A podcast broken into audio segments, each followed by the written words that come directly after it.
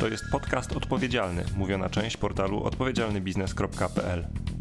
Działamy na rzecz zrównoważonego rozwoju, inspirujemy biznes, który zmienia świat, łączymy ludzi, którzy zmieniają biznes. To wszystko w naszych audycjach dostępnych już teraz na stronie odpowiedzialnybiznes.pl ukośnik publikacje w zakładce podcast. Zapraszamy. Szanowni Państwo, po raz pierwszy zamiast Ogólnopolskiego Dnia Różnorodności zapraszamy Państwa do udziału w Ogólnopolskim Miesiącu Różnorodności, który będzie trwał do końca maja. Co oczywiste wynika to z sytuacji pandemii, która zdecydowanie zmieniła nasze życie i naszą pracę. Tematem wszystkich wydarzeń w ramach Miesiąca Różnorodności będzie praca przyszłości. Jak dziś definiuje największe wyzwania? Będziemy dzielić się z Państwem opiniami ekspertek i ekspertów, dziennikarzy, komentatorów, także przedstawicieli i przedstawicielek biznesu.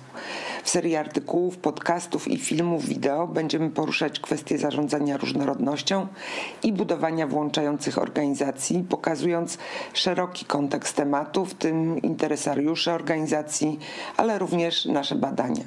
Zaprosimy Państwa także na pokaz filmu, a pod koniec miesiąca udostępnimy naszą najnowszą publikację Odwaga i Równowaga, poświęconą zarządzaniu różnorodnością ze szczególnym uwzględnieniem łączenia życia prywatnego z zawodowym. To temat dla nas wszystkich teraz wyjątkowo aktualny. Powszechne doświadczenie pracy zdalnej dla każdej i każdego, kiedy tylko to możliwe, sprawia, że z nową mocą powracają pytania o to, jak pracować. W sytuacji, kiedy nie wychodzimy do pracy, pracując w domu, a więc czy potrafimy też wyjść z pracy?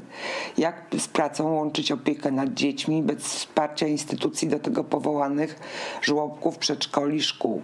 Jak zachować równowagę między pracą własną, najbliższych nam osób, czasem wolnym, życiem rodzinnym? To pytania, które przyniosła nam codzienność czasu pandemii, które niestety mogą zostać z nami na dłużej przeglądając pierwsze tylko komentarze i ufając mocno, że ten czas szybko minie, nie sposób jednak uniknąć poczucia, że zmienia już i wiele zmieni na rynku pracy. Nie tylko ze względów ekonomicznych przewidywanego kryzysu, kiedy tak łatwo o dyskryminację, której ofiarą padają grupy standardowo bardziej narażone na wykluczenie. Gdy przypomnimy sobie czas przełomu, transformacji ustrojowej w Polsce, widać to bardzo wyraźnie. Malejącą aktywność zawodową kobiet czy osób plus 50, niewykorzystane potencjału osób z niepełnosprawnościami, by wymienić te najbardziej oczywiste przykłady. Obecnie wielką szansą, ale i wyzwaniem, jak nigdy wcześniej, są nowe technologie. Można się spodziewać przyspieszenia rozwoju tych, które ułatwią nam pracę zdalną. To dość dobra wiadomość, jeśli założymy, że będą otwarte i szeroko dostępne.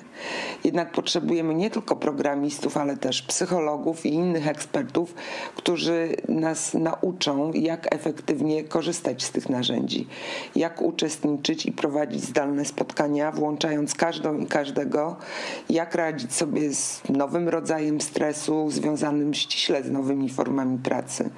Nie mówiąc już o tym, to wielki wielkie pytanie, jak transformować nasze organizacje, dbając o grupy szczególnie narażone na wykluczenie, wyłącznie ze względu na mm, przyspieszenie wykorzystania nowych technologii w naszych organizacjach. Pytania, na które będziemy wspólnie z sygnatariuszami Karty Różnorodności szukać odpowiedzi w najbliższych miesiącach.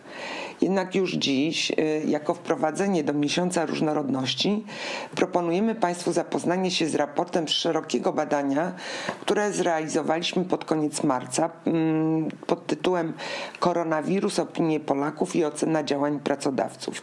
Raportu, który porusza kwestie zaufania do różnych źródeł informacji, ale w dużej mierze dotyczy miejsca pracy. I choć z pewnością wielu z nas nie szuka już tak często jak na początku pandemii informacji o koronawirusie, przeglądając wielokrotnie serwisy informacyjne, to informacje o tym, jak działania swoich pracodawców oceniają zatrudnieni, y, są niezwykle ważne. W ocenie skuteczności wdrożonych rozwiązań, ale też jako wskazówka na przyszłość.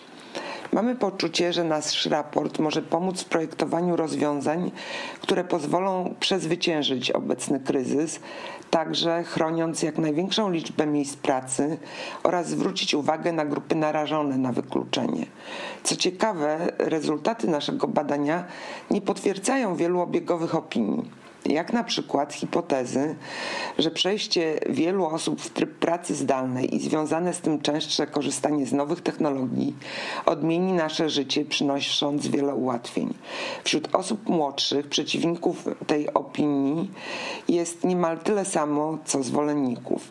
Większym optymizmem wykazują się raczej starsi.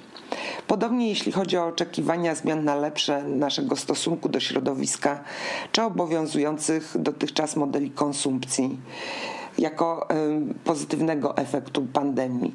Tu także widać większą ostrożność w formułowaniu nadziei przez najmłodsze pokolenia. Zdystansowane podejście osób młodszych do rozwoju technologii w połączeniu z dostrzeżeniem problemów związanych z niewystarczającym zabezpieczeniem społecznym części z nas, części społeczeństwa, wskazuje y, wyraźnie na konieczność przedefiniowania pewnych ważnych zasad gospodarczych w stronę y, większego włączania grup dotychczas wykluczonych lub niedocenianych. To szczególnie ważne zadanie obecnie, ale i na przyszłość. Zachęcamy więc serdecznie do zapoznania się z całym raportem. To jest podcast odpowiedzialny, mówiona część portalu odpowiedzialnybiznes.pl. Działamy na rzecz zrównoważonego rozwoju, inspirujemy biznes, który zmienia świat, łączymy ludzi, którzy zmieniają biznes.